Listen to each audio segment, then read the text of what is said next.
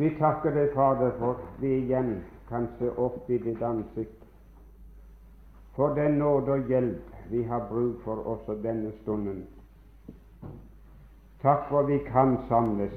Takk for anledning vi har å vende vårt øre til deg. Og takk for du er rik nok for alle som påkaller ditt navn. Sign da også denne stunden for oss, til ære for ditt navn og til vårt gagn. Amen.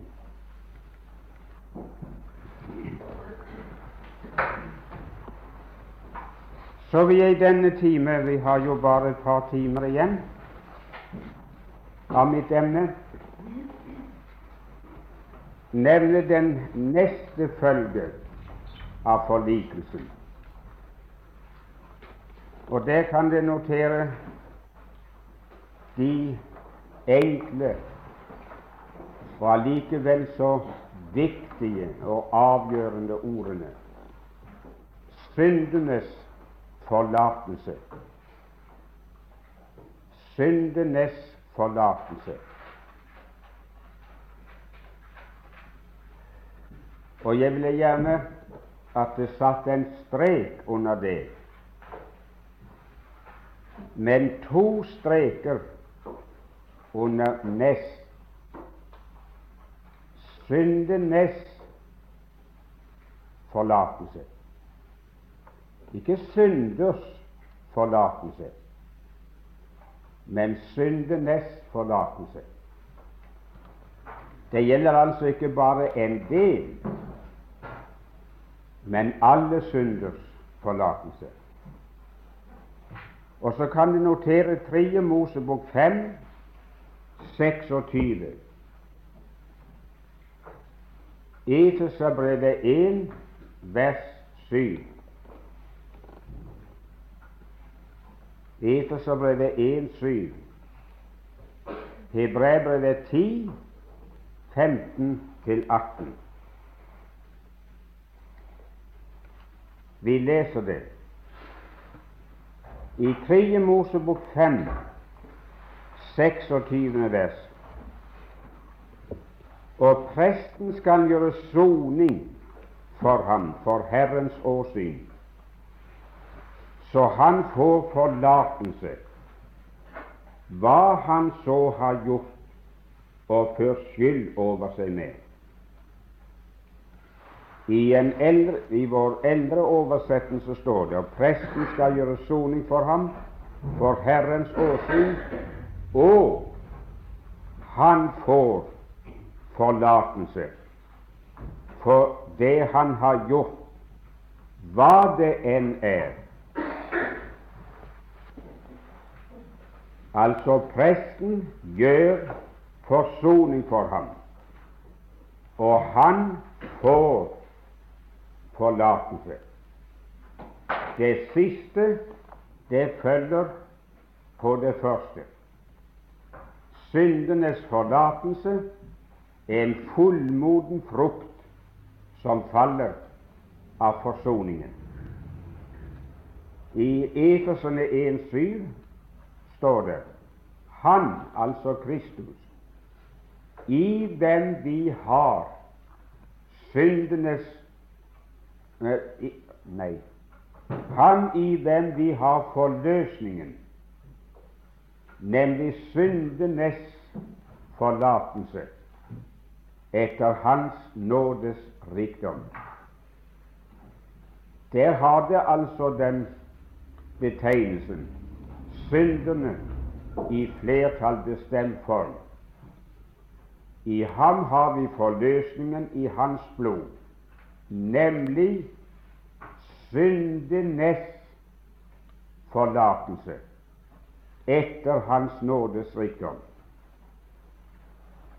Og i Hebrevet 10, 15-18 står det så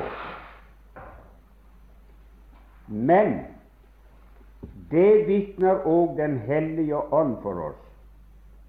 For etter at Han har sagt dette er den pakt som jeg vil opprette med dem etter hine dager.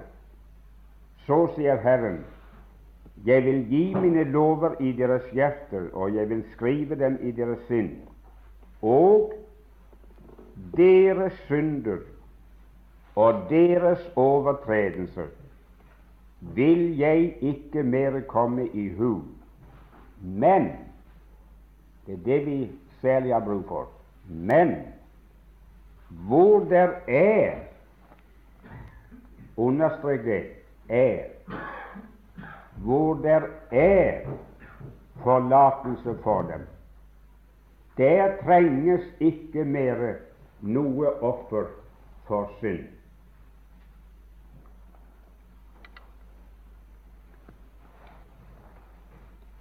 Det som jeg særlig ville understreke nå, det er det forhold at det gjelder ikke bare syndenes forlatelse. Den første gangen vi kommer til Gud som en synder, men det gjelder også hele vårt liv igjennom som en troende. Det gjelder selvsagt ethvert menneske, også enhver synder, når de første gangen kommer til Herren, så er det syndenes forlatelse.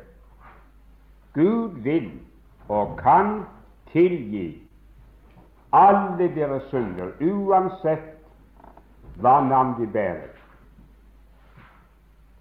Det er noen som har vanskelig for å gå med på det, men jeg mener vi har et klart, uimotsigelig Guds ord for det i Johannes brevet 1.7. 1. Johannes 1.7.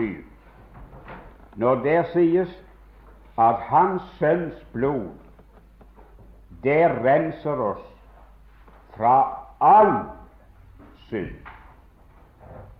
Og da kan ikke jeg fatte og forstå at det i et menneskes liv kan være eller bli synd som hans blod ikke renser ifra. Jeg vet nok at det er visse synder som enkelte mennesker tenker på at har de gjort det og det, så er det ingen forlatelse. Men en slik tankegang er Bibelen fremmed for, så langt som jeg kjenner den. Jeg har møtt mange sjeler som har nevnt slike synder ved navn, og de har ment at de har gjort seg skyldige i dem, og det er intet håp. Og de har vært i den ytterste fortvilelse nær på å ende på et sinnssykasyn nær på å ta sitt eget liv. Men det har alltid lykkes å vise dem ved Guds ord at det er syndenes alle synders forlatelse hos Gud i kraft av Hans Sønns død og blod. Presten skal gjøre fordikelse for dem, og de får forlatelse. Og det noe for hva de enn må ha gjort og ført skyld over seg. Det er ingen unntakelse. Men nå er vi som sitter her troende folk, og jeg vil derfor adressere det til oss For meg var det hardt første gangen jeg kom til Herren og kunne tro at det var tilgivelse for alle mine synder. Men da tenkte jeg bare på de syndene som jeg hadde gjort før jeg ble en kristen. Men Gud hjalp meg til å kunne tro at det var nåde for det. Men så kom jeg i skade for å synde når jeg var blitt en kristen. Den første bevisste synd jeg begikk etter jeg hadde bekjent meg som en kristen, kommer jeg aldri til å glemme. I sin karakter var den ikke det spor verre enn alle andre synder. Men for meg blir det skrekkelig, og Satan vil innbille meg at der for hele kristendommen inn. Om det skulle ha vært rett fatt med deg før, så er det gått i stykker nå. Nå har du syndet, og så har du tapt alt. Og så var det gråt og skrik og bønn for å kunne komme til å tro at Gud hadde frelst meg igjen. For jeg trodde ikke jeg var frelst da jeg hadde gjort den synden. Nei da, da hadde Gud sagt det og pass på som en smed passer på det varme jernet, og så slettet navnet av livsens spor med en gang jeg syndet. Og så var det et svære strev for å kunne tro at han hadde skrevet det inn igjen. Og det lyktes å komme til den troen. Og dessverre så ble det ikke bare med den ene synden. Det kom mange andre til senere i livet, og det gjør det ennå. Men så glemmer jeg ikke, venner, når det ble helt klart for meg at da Kristus hang på Golgata, så døde han ikke bare for og gjorde opp for alle mine fortidige synder, de jeg hadde begått i mitt uomvendte liv. Men alle mine fremtidige og ugjorte synder var også med i det oppgjøret. Har du tenkt på det? Hvis Kristus ikke har gjort soning for de synder jeg kan komme i skade for å begå i dag, i morgen eller i andre dag om jeg får leve, så er han heller ikke død for de syndene jeg gjorde i min uomvendte tilstand. For alle mine synder, både før den tiden og etterpå og i fremtiden, alle var ugjort da Kristus døde. Og kunne jeg få forlatelse for det jeg hadde gjort før jeg ble en kristen, så kan jeg selvsagt få forlatelse for det jeg gjør etter jeg ble en kristen. For alt var med i det oppgjøret på Golgata. La meg så på bakgrunn av det få understreke Etersen 1.7. Han i hvem vi har, ikke skal få eller kan få, men han i hvem vi har syndenes forlatelse, eller forløsningen, i hans blod, nemlig syndenes forlatelse etter Hans nådes rikdom. Syndenes forlatelse er det som enhver troende trenger mest. Det har aldri vært og vil aldri bli noe i mitt liv, så langt jeg kan se, som jeg trenger mer fra Gud enn syndenes forlatelse. Men jeg fortviler ikke på grunn av det. Selv når Guds ånd tok det meg, og jeg er klar over nå har du syndet. Nå har du syndet. Så fortviler jeg ikke av den grunn. Jeg kom ikke engang i tvil om hvorvidt jeg er Guds barn.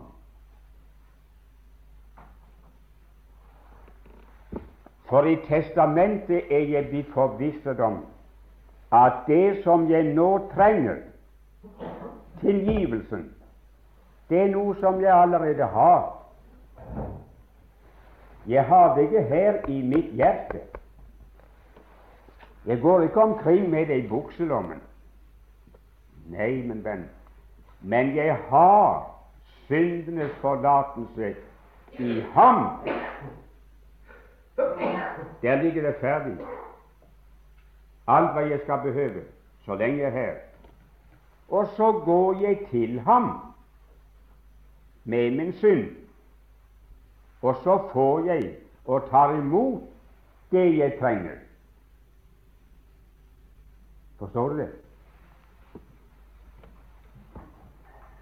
Kongens tjenere, de som er inne i militærtjeneste, de kjenner så godt til et hus på Moen som de kaller for depot. I det huset er deponeret alt det som de unge menn skal behøve så lenge de er i kongens tjeneste. De reiser hjemmefra i sine egne klær, og når de er stilt opp, og de er råpt opp, de er blitt mønstret, så går de til depot. De får beskjed om det. Nå går dere til, til depot og tar imot. Så må de kle av seg sine egne klær, og så tar de kongens klær på, militærklærne, og alt det som de skal bruke under tjenesten. Der ligger det. Og så er det ikke bare den ene morgenen eller middagen, den ene dagen, de går til det depot og tar imot. Men hver eneste gang noe har gått i stykker, hver eneste dag de trenger noe, så vet de hvor det er. Det ligger der. Og det ligger der brakt til veie bare for dem, for å dekke behovet i slike situasjoner. Og så går de der og tar imot. Nå, venner, Kristus er Guds depot i denne verden for oss mennesker. I ham har Han skjenkt oss alt det som hører med til liv og gudsfrykt. Slik står det skrevet. Også syndenes forlatelse. Og når jeg så har syndet, må erkjenne det for Gud, med tårer eller uten tårer, så heldigvis jeg kjenner det på Jeg kjenner til det depotet. Og så går jeg til ham og sier, kjære Fader, jeg takker deg for at jeg ennå er ditt barn, men jeg har syndet. Jeg tilstår det, og jeg bekjenner for det hva jeg har gjort.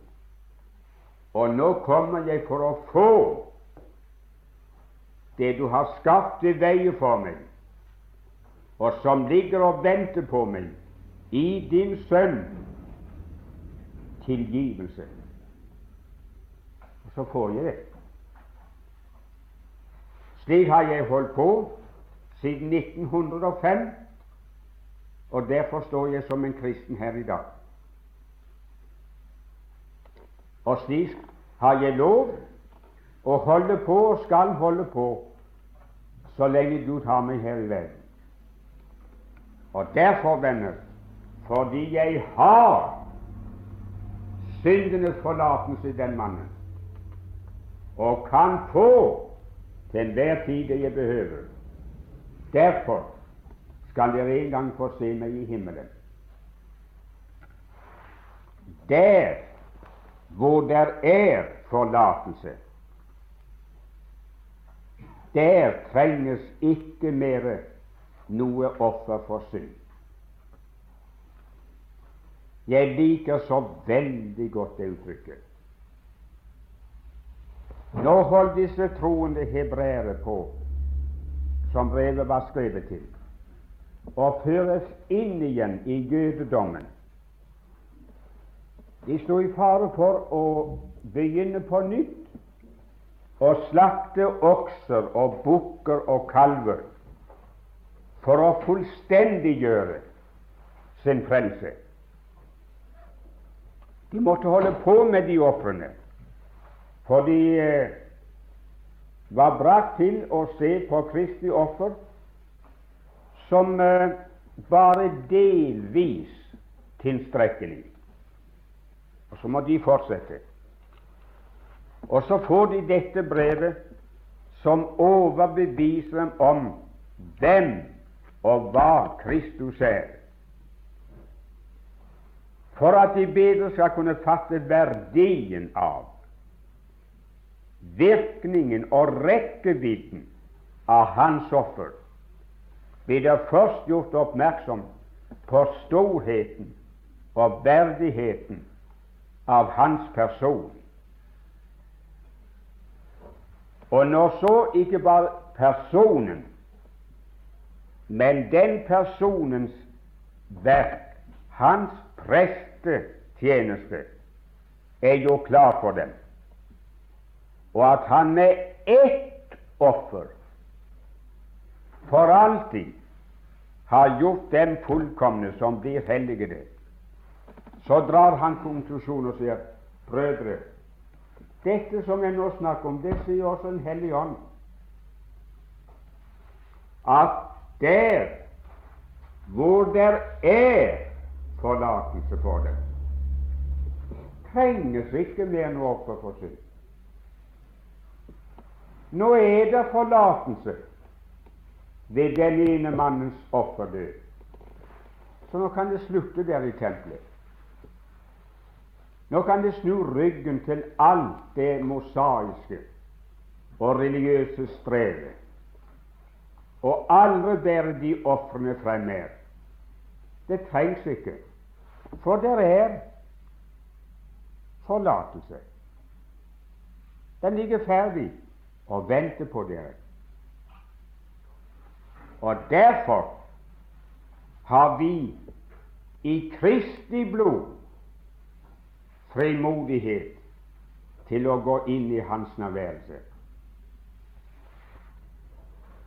Dette var i grunnen det jeg ville ha understreket med hensyn til våre synders forlatelse. Kan hende jeg kunne sagt med det samme før jeg forlater det. Jeg har sagt det flere andre steder, kanskje her også, men det er ikke sagt alle dere har hørt meg si det. Det har hendt meg ikke få ganger at når jeg har talt på møtene, så har det kommet opp en og annen troende og spurt om det gikk an å få en privat samtale. Jo da, det var ikke noe i veien for. Så fikk de det. Men vedkommende sto litt forlegen, hadde vanskelig for å begynne, og sa gjerne så Det var noe jeg hadde lyst til å snakke med dem om, men det er så vanskelig å få sagt det. Ja, det kan godt være, men du får prøve så godt du kan. Om det er noe du må bekjenne for meg, så kan du være trygg for det blir aldri fortalt til noen annen. Det går i graven med meg. Så har jeg sagt nei, eh, det gjelder i grunnen ikke meg. Å, det skulle vel ikke være meg, da? Jo, jo det var nettopp deg det gjaldt. Ja, men da kan du snakke frimodig. Da er det ikke farlig. kan du si hva som helst. Og så kommer det. Ja, det var i grunnen bare et spørsmål. Si meg, trenger du aldri å be om syndenes forlatelse?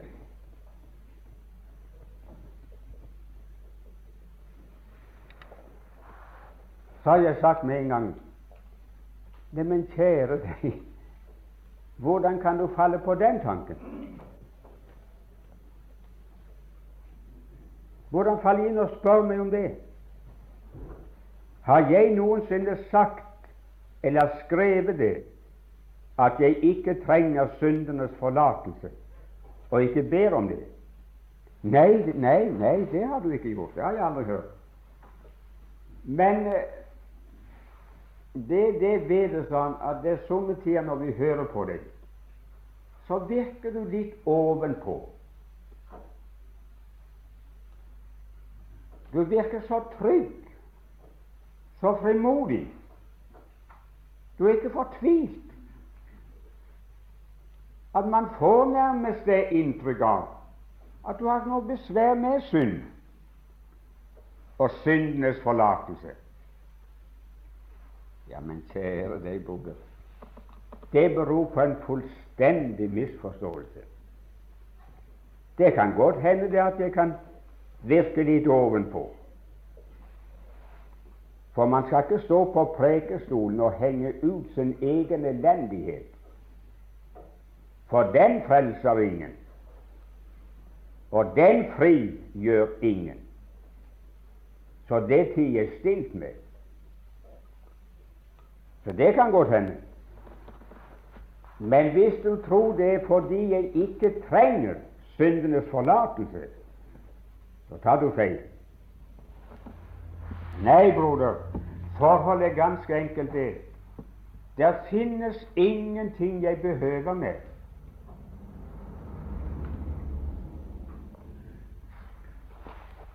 Men det jeg trenger, er noe som jeg allerede har.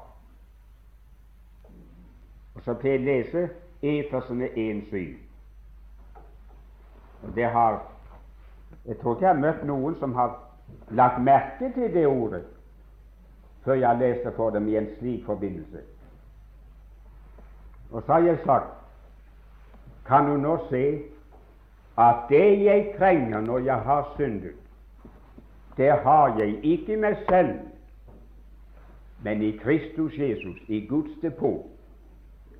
Og det vet jeg på grunn av det som står her. Og så skaper jeg meg ikke vanvittig når jeg har syndet, som om det ingen tilgivelse eksisterte.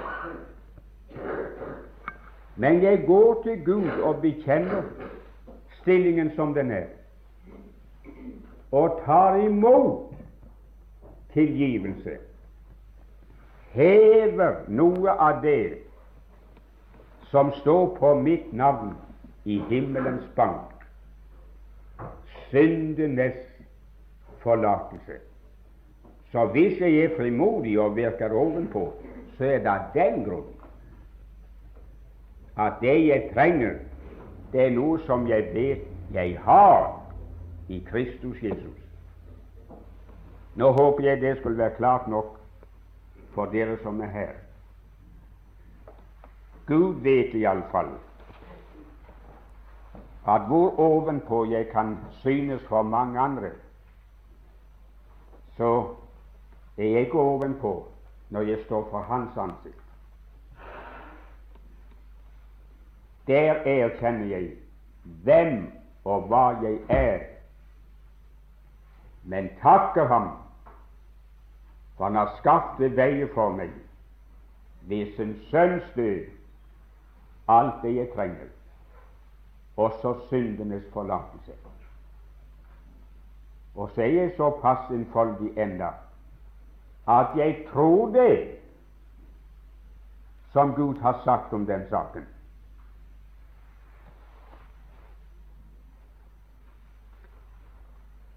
Det tredje jeg ville nevne,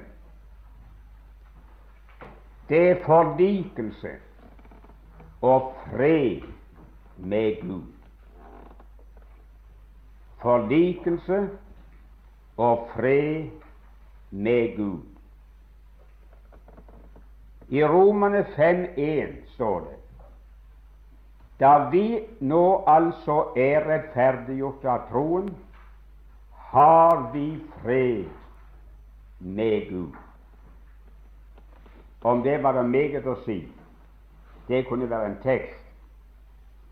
Vi kunne så forklare hva det vil si å være rettferdiggjort, og at vi nå er det. Og vi kunne snakke om forskjellen mellom fred med Gud og fred fra Gud. Det første, det er en troesak. Det andre, det er en erfaringssak. Fred med Gud, det gir uttrykk for et ordnet forhold som er inntrådt imellom Gud og oss. Det er inntrådt fredstilstand. Vi har fått en full overbevisning om at Gud ikke er imot oss mer. Fiendskapet opphører. Med hvem vi enn har ufred, og hvem som enn er imot oss, vi vet Gud er aldri imot oss mer. Vi har fått fred med Gud. Det er ikke noe vi føler, men det er noe vi tror fordi Gud har sagt det. Men så følger det også i et Guds barns liv en erfaringssak, den at Gud meddeler sin egen fred til våre hjerter. Det som Jesus sa, eller tenkte på når han sa 'min fred', den gir jeg eder.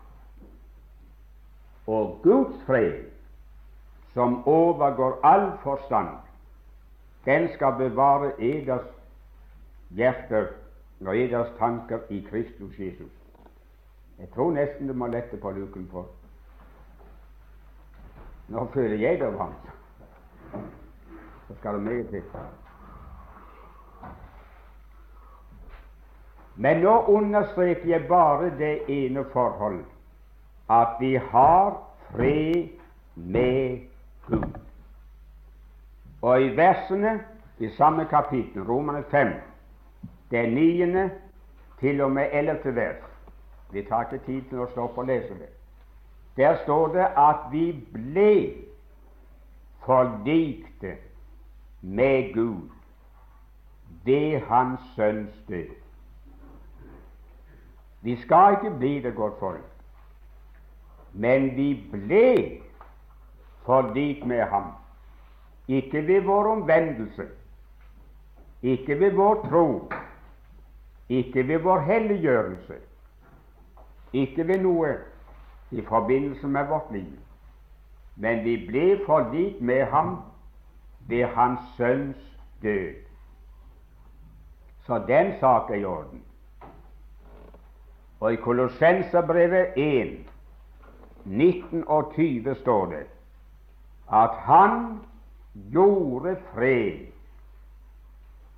med sitt korsets blod. Og nå kan det ordet, venner, ikke være mer enn én en av to ting. Enten er det en historisk kjensgjerning, et faktum, at han har gjort fred. Og så er det fred mellom Gud og deg, mellom Gud og meg. Årsaken til fiendskapet tok han bort da han ofret seg selv, og det var synden. Det har vi talt om før. Og eller er det en løgn som har sneket seg inn i testamentet? Så er det altså ikke sant at han gjorde fred, så står saken like åpen. Så må enten vi selv kunne være i stand til å forlike ham, og eller må vi få en annen til. Og hvis Kristus ikke klarte det, godt folk, så er det heller ingen annen som kan klare det. Men jeg tar det for sannhet Han gjorde fred ved sitt korsets blod, og så er det fred. Uansett om jeg føler den freden eller ikke.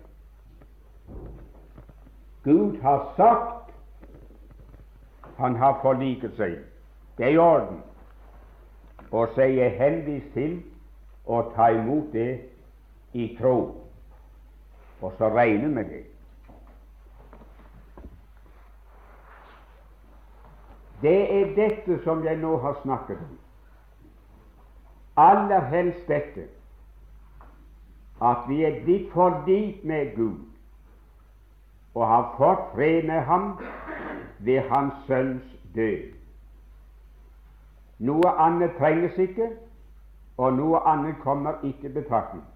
Det er dette som er korsets anstøt for denne verden.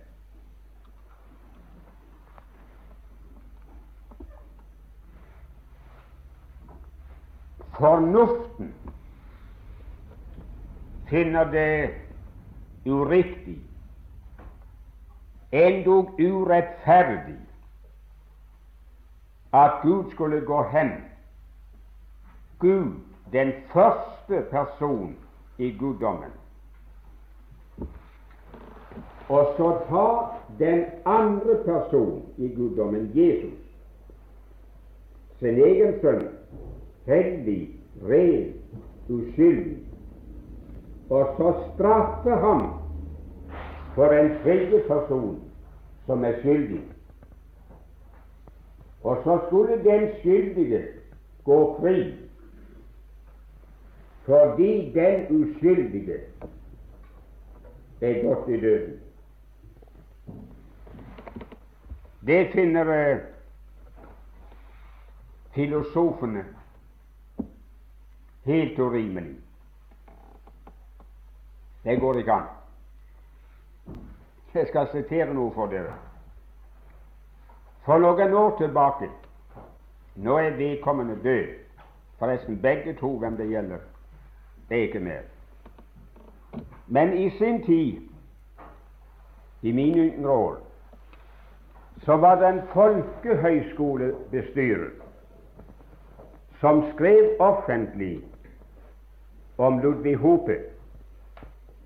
Og han skrev følgende Jeg lærte det utenat. Hope er en from mann, men ei stor heidning.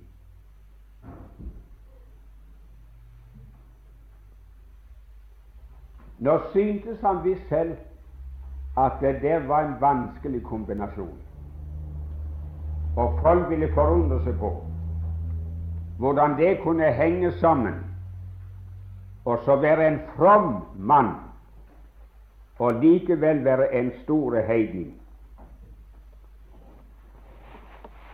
Og han føyer til og han er mye verre enn de heidningene som han misjonerer imellom.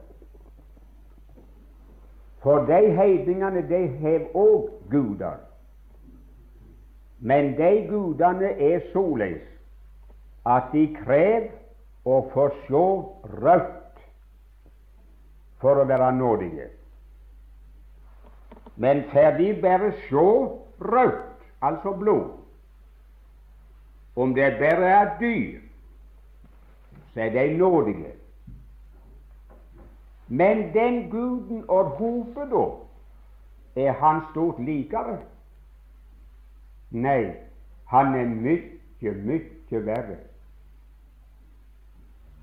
For han fikk se rødt av offerdyr i flere tusen år, men var like brei først da han fikk se rødt av sjølve sønnen sin, ble han etter hopets mening nådige. Så den guden er verre enn de hedningegudene som kineserne har. Det er sådan denne fornuften og rasjonalistene resonnerer. Men slik kan du spotte så lenge og fordi de simpelthen ikke har noe kjennskap til det som faktisk fant sted på Golgata. For det står nemlig i 2. Korintiabrevet 5, med det 17-18, at Gud Merk det Gud, førstepersonen, han var i Kristus og forlite verden med seg selv. Han tok ikke en person nummer to og straffet ham for en tredje som var skyldig. Men han var selv i den mannen og forlite den verden med seg selv. Den korsets hemmelighet er skjult for dem. De fatter den ikke. Og langt mindre fatter de at Kristi død kom som en følge av Guds evige kjærlighet. De forteller oss at Gud var vred og vond inntil Kristus døde. Da han hadde litt, og da han hadde sagt det var fullbrakt, så ble hans sinn og hjerte omstemt. Så begynte han å elske. Slik noe har Bibelen aldri sagt. Bibelen har sagt, som vi har lest før, at i dette er kjærligheten åpenbart, at han sendte sin sønn til soning for våre synder. Han elsket oss med en evig kjærlighet. Og den evige kjærligheten ble åpenbart lagt for dagen i og ved Kristi komme og det han gjorde. Så hans lidelse og død er følgen av Guds evige kjærlighet, den nåde som var gitt oss fra evige tider. Så vil jeg bare avslutte med å si jeg har lest meget av denne hånen, spotten og ironiseringen av korsets evangelium. Men det anfekter meg ikke det aller minste. Og i alminnelig kunne aldri falle meg inn å stå på prekestolen og ta Gud i forsvar og bevise at det som foregikk på Golgata, det var riktig. For det behøves ikke. Gud har ikke bedt oss om å forsvare ham. Han har ikke bedt oss om å kunne definere forsoningen og vårt frelsesverk. Han har bare pålagt oss å gå ut i verden og forkynne det som Han selv har sagt om det. Og så skal Den hellige ånd selv sørge for å besegle det i synderes hjerte. Og så forsøker jeg det. Så kan de andre le, de som synes det er noe å le av. Meg ansikter de ikke. For om Guds forsvarstale ikke er kommet på trykk i 1959, så kommer det nok. Vi leste i går at han avvæpnet maktene og myndighetene og stilte dem overlyste skue da han viste seg som seierherre over dem på korset. Altså maktene, myndighetene, de som er maktinstanser, og har noe de skulle ha sagt, de er allerede brakt til taushet. Men det finnes noen menneskelige apekatter Eller nei, nei, nei, nei, nei papegøyer som er ettersnakkere